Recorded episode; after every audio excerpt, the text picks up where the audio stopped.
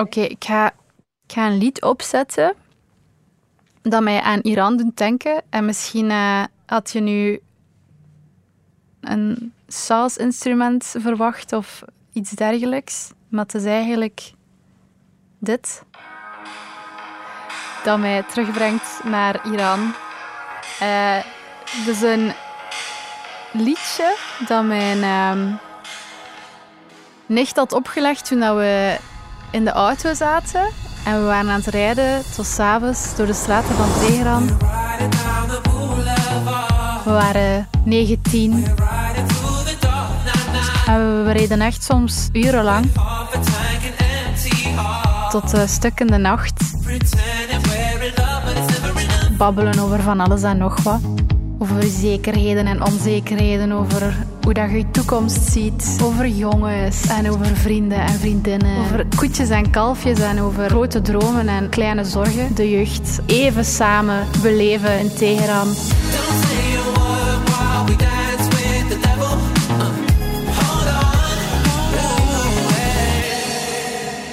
En ik leg dat eigenlijk vooral op om mezelf terug te werpen naar dat moment dat ik samen met mijn nicht gewoon uh, jong was.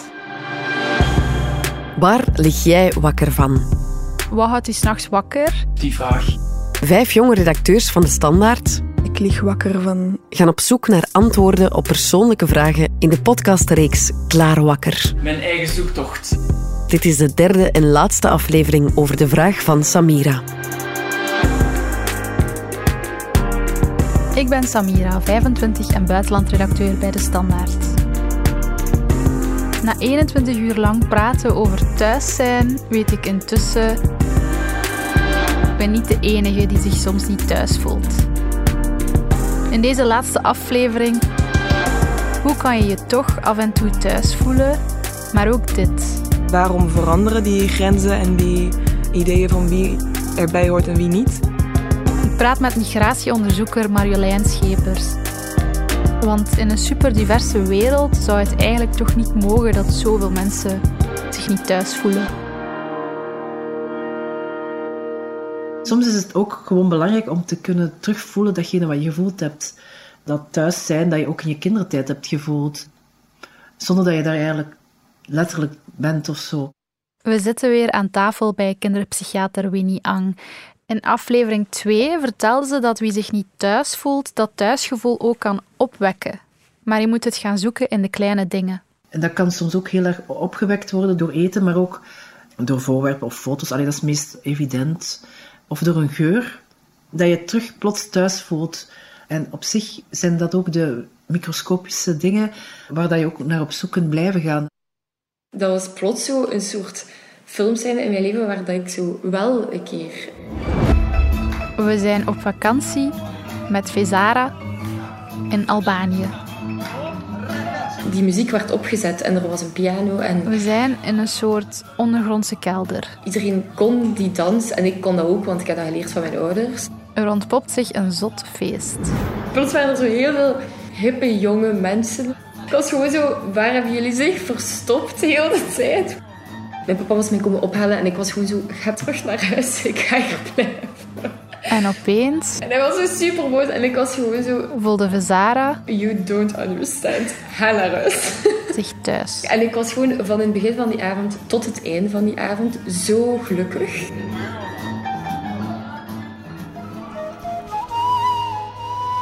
When I listen to that... Je hoort Suparna die al in acht landen woonde. I have this like urge to start dancing. I can feel the music in my veins and something about that is like I belong to that land and it is still in me. Ik voel me thuis in mijn auto als ik muziek aan het meezingen ben. Ja, muziek sowieso en uh, podcast. Kafka en zo, die dingen. Gewoon thuis hier in het studiootje. In Antwerpen de muze. Met mijn leuke arts op mijn muur. Hoe groter de stad, hoe meer dat ik me thuis voel. Safraan, gedroogde peterselie, um, Alleen nu ben ik die ene kruid kwijt. Kurkuma, komijn, de geur van rijst. Veel geuren wel eigenlijk. Hè? Het zien van zo Persische tapijt, het geluid van een auto op een grindweg. Het geluid van een samovar, dat is zo voor thee te, maken. En ook uh, inmiddels regen. Doet me ook aan thuisdenken. Een Gens accent, een boekenwinkel, de redactie. Dat is ook een beetje thuiskomen.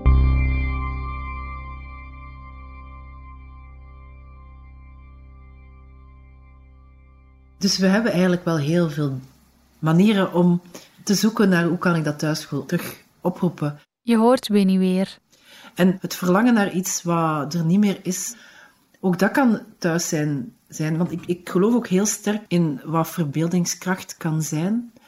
Een soort van tussenruimte tussen wat er is en wat er niet is. Wat u wel alvast kan geven. En wat ook heel helpend is, uh, migratieachtergrond, etniciteit, is ook maar één aspect van heel uw identiteitsspectrum. Je blijft natuurlijk een mens met heel veel verschillende dimensies. En ik probeer daar ook enorm op in te zetten. Ik zie dat ook met mensen die gevlucht zijn.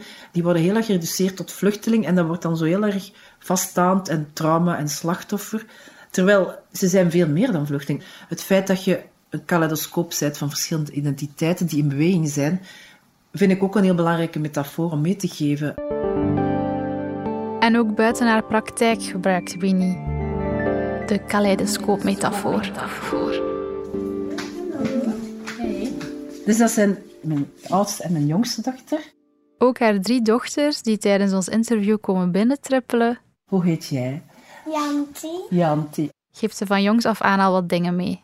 En weet je van waar je naam komt? Van... Is dat... Ja, dat is van Indonesië, hè? Het komt er wat weifelend uit bij Winnie's jongste dochter Janti, maar Winnie gaf haar drie dochters heel bewust een naam die overal werkt. Ja, overal werkt. Maar dat, dat zijn de dingen die belangrijk zijn, denk ik, om dat thuis zijn een plaats te geven. En de ruimte geven en er af en toe met je kinderen over hebben van, ah ja, wij, zijn wij dan een half Indonesisch en wat is papa dan eigenlijk? Ja, dat is een echte West-Vlaming. Maar uh, ja, zijn wij dan ook een beetje West-Vlaams? En ja, dat soort gesprekken, heel erg ongedwongen. Het zijn allemaal zaadjes, denk ik, die je kunt planten. Ook gewoon het feit je thuis voelen en identiteit een onderweg zijn is, hè, het heel dynamisch is. Ook dat probeer ik eigenlijk aan mijn kinderen, aan onze kinderen van heel klein af aan ook wel allemaal mee te geven.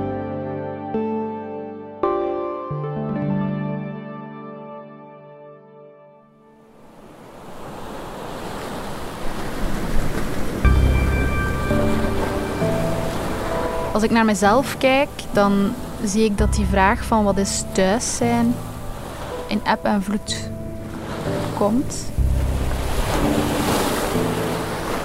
Ik heb veel slapeloze nachten hiervan gehad als tiener en als ik afstudeerde en een soort van moest springen in de wereld, omdat ik soms niet wist van waar dat ik sprong, bij wijze van spreken. En dan is dat weer weggeëpt naarmate dat ik ouder ben geworden, mijn plek heb gevonden, dingen heb te doen om van te houden en om naar te verlangen. Maar dan bijvoorbeeld op momenten zoals nu, wat er aan de hand is in, Iran, ja, speelt die vraag wel sluimerend mee. En uh, dat maakt dat telkens iedereen op een ander punt in dat proces zit. Sommigen zitten in app en anderen zitten in vloed.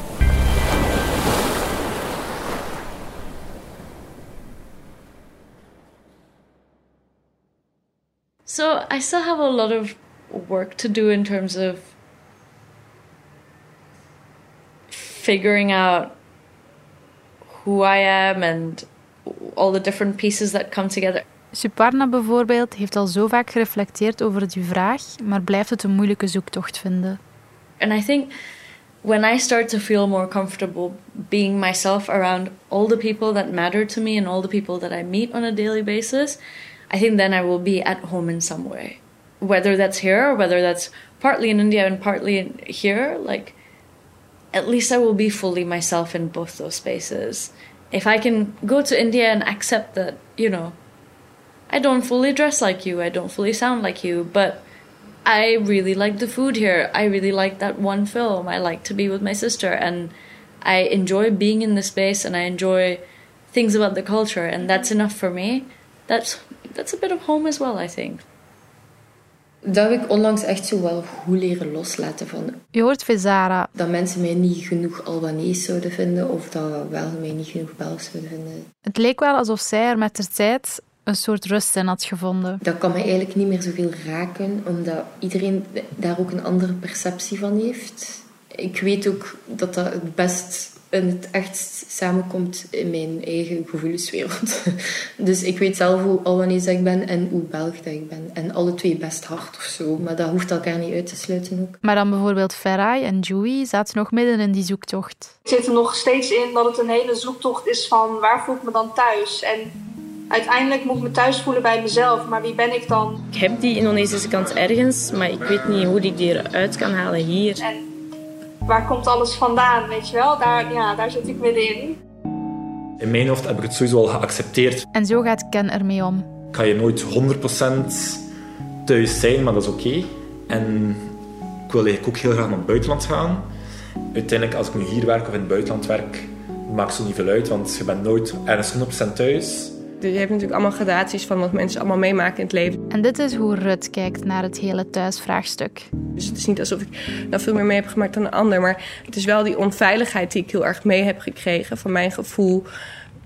Wat mij wel hierin heeft gevormd. En denk ik wel wat meer van, van beton heeft gemaakt. Maar nu is dat leuk om anders te zijn. En nu is dat iets wat je omarmt ook. En dan heb je bijvoorbeeld iemand als Ingrid die het nu ook als een troef zag. Dat is tof om anders te zijn. Dan heb je ook meer om over te praten. En mensen zijn goed interessant ook. Het feit dat je moet navigeren in de verschillende waardekaders en dat je dingen hoort van je ouders die soms helemaal anders zijn dan wat je op school hoort. En dat is ook iets wat Winnie kon beamen. Dat is heel erg verbredend ook en inspirerend. En een soort van flexibiliteit. Daar kan ik nu wel op die manier naar kijken. En dat probeer ik ook inderdaad wel mee te geven. Als we even uitzoomen, en dat is ook iets wat ik heel graag voor deze podcast eigenlijk wilde doen, dan zien we dat een derde van alle inwoners in België een migratieachtergrond hebben. Wil dat dan zeggen dat een derde van alle mensen die hier leven zich soms of vaak niet thuis zouden voelen? Dus ik heb Marjolein Schepers, onderzoeker in migratiegeschiedenis, uitgenodigd in de studio om hier samen over te babbelen. Welkom.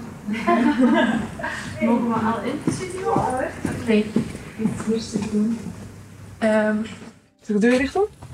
Uh,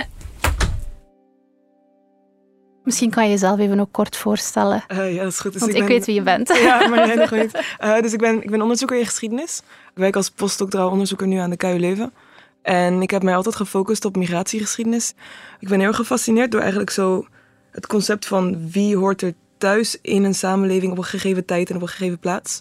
En waarom veranderen die grenzen en die ideeën van wie erbij hoort en wie niet. En uh, ik heb veel vragen.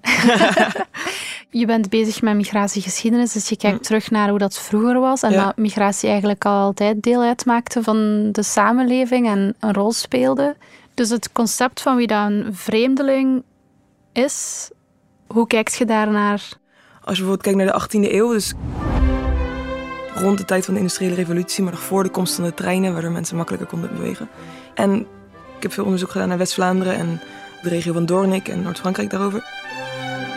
Dan zie je dat iemand uit een ander dorp werd gezien als een vreemdeling, die andere kleding aan had, die ander eten at, die anders rook. Je kon zien aan mensen hun uiterlijk dat ze niet uit jouw kleine dorp kwamen.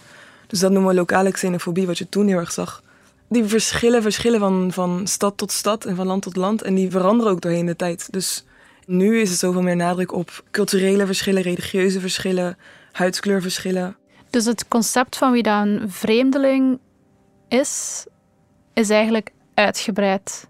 Het is meer West versus Oost, om het heel ja. breed te zeggen. Hè? Maar er is geen Nederlandse cultuur zonder de tulpen uit Turkije, zonder de rijkdommen van de slavernij, zonder de specerijen uit Indonesië. Cultuur is constant in verandering. Dat is altijd een uitwisseling en een mengelmoes geweest. Het is iets wat dynamisch is en constant zich aanpast. Dus het is nog complexer geworden, denk ik. Ook omdat mensen die in België geboren worden ook als, vaak als vreemdeling worden gezien of als buitenstaander worden gezien. En dat Ja. valt mij ook op in de gesprekken die ik heb gehad, dat die zich hier ook niet thuis voelen, terwijl dat ze in een klein West-Vlaams dorpje zijn geboren, Ja. bijvoorbeeld, omwille dan van hun huidskleur of uiterlijk, Ja. zich een buitenstaander voelen. Ja, sowieso. Dat gebeurt, dat gebeurt voor mij ook. Ik ben een Nederlander, maar ik ben acht jaar hier. Mm. En vanuit migratietheorie heb je het vaak over de tweede en derde generatie. Dat die eigenlijk de generaties zijn die pas integratie kunnen bereiken. En niet integratie in de vorm van volledige aanpassing aan de samenleving waarin ze wonen. Maar integratie in de vorm van volledig kunnen deelnemen aan die samenleving. En je thuis kunnen voelen in die samenleving. Dus ik hoop dat mensen die zich nu niet thuis voelen, zich meer gaan thuis voelen. Of zich erbij kunnen neerleggen dat ze zich niet thuis voelen, maar dat ze wel hun eigen plek hebben in dat niet thuis zijn of zo. In die grijze zone van niet helemaal erbij horen, maar toch wel je plek hebben. Is de psychiatrie klaar om dat op te vangen? Ook met Winnie wilde ik even uitzoomen. Dan zie je dat er echt wel stappen worden gezet.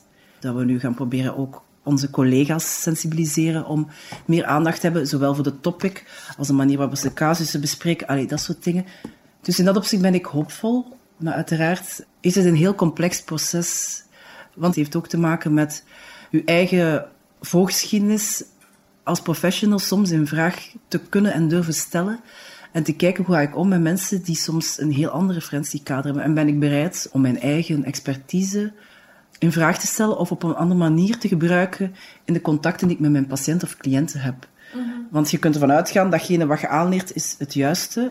Maar dan zit je met een patiënt tegenover je die misschien een heel ander denkkader heeft over zijn of haar ziekte. Ja, hoe gaat het daarmee om?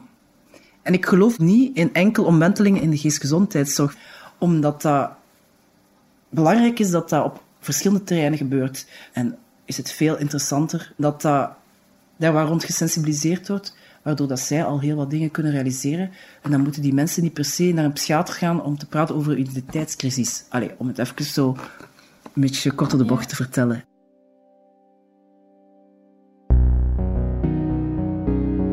Vond je het leuk om erover te babbelen? Ja. Als ik daar zo over praat met mijn vrienden, ze stellen mij zo geen vragen.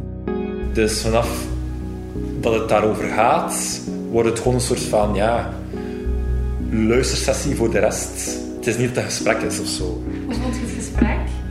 Ik vind dat wel heftig om zoveel te praten. Niet dat ik me zo uitgeperst voel, maar dat is Maar wel een beetje uitgeperst, Ja. toch? Jawel, jawel. Niet door u, maar ook door mensen. Allee, snap je? Want je wilt daar wel over praten, snap je? En ik vind het altijd heel goed, of ik ga er heel goed op, als er zo goede gesprekken zijn die zich niet vaak voordoen. Ik kan echt uren blijven gaan of zo. Ja, vind je, vind je het fijn om hierover te babbelen? Ja, ja, het raakt mij wel eh, veel. Het is een goed gesprek voor mijn emotional self ook op dit moment.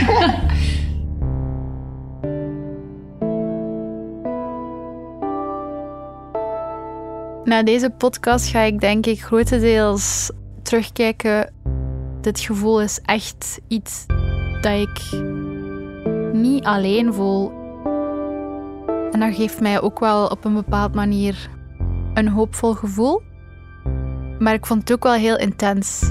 Intens om als journalist ook in een andere positie te zitten. Los van het feit dat ik heel veel gesprekken heb gevoerd waarin dat ik de vragen heb mogen stellen, maar natuurlijk ook dat er heel veel vragen aan mij werden gesteld. Maar je hebt zodanig weinig moeten beschrijven dat dat zo is van, ja, wat is dat nu eigenlijk waar ik het over heb? Ja. Zo dat.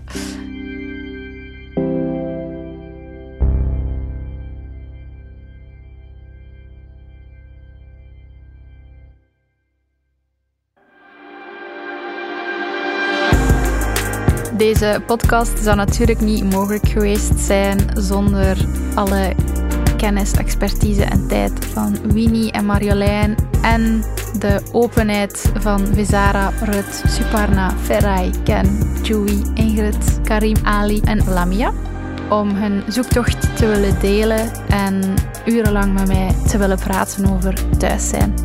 En natuurlijk kan ik ook mijn collega Fien Dille niet vergeten met wie ik deze podcast heb gemaakt. Dit was de laatste aflevering van Wat is Thuis? Een podcast in drie afleveringen gemaakt door Samira Atay en Fien Dille. Brecht Plasgaard mixte, schreef de muziek en herwerkte Debussy's La Cathédrale Engloutie. Deze podcast maakt deel uit van de podcastreeks Klaar Wakker, waarin vijf jonge redacteurs van de Standaard dieper inzoomen op de dilemma's waar zij hun slaap voor laten. Volg Klaar Wakker in de podcast-app van de Standaard of uw favoriete podcastplatform. Beluister ook de andere podcasts van Klaar Wakker. Volg Klaar Wakker in de podcast-app van de Standaard of op uw favoriete podcastplatform. In de volgende drie afleveringen zoekt Jeff als aankomende vader een antwoord op de vraag hoe hij in zijn leven best ruimte maakt voor zijn kind.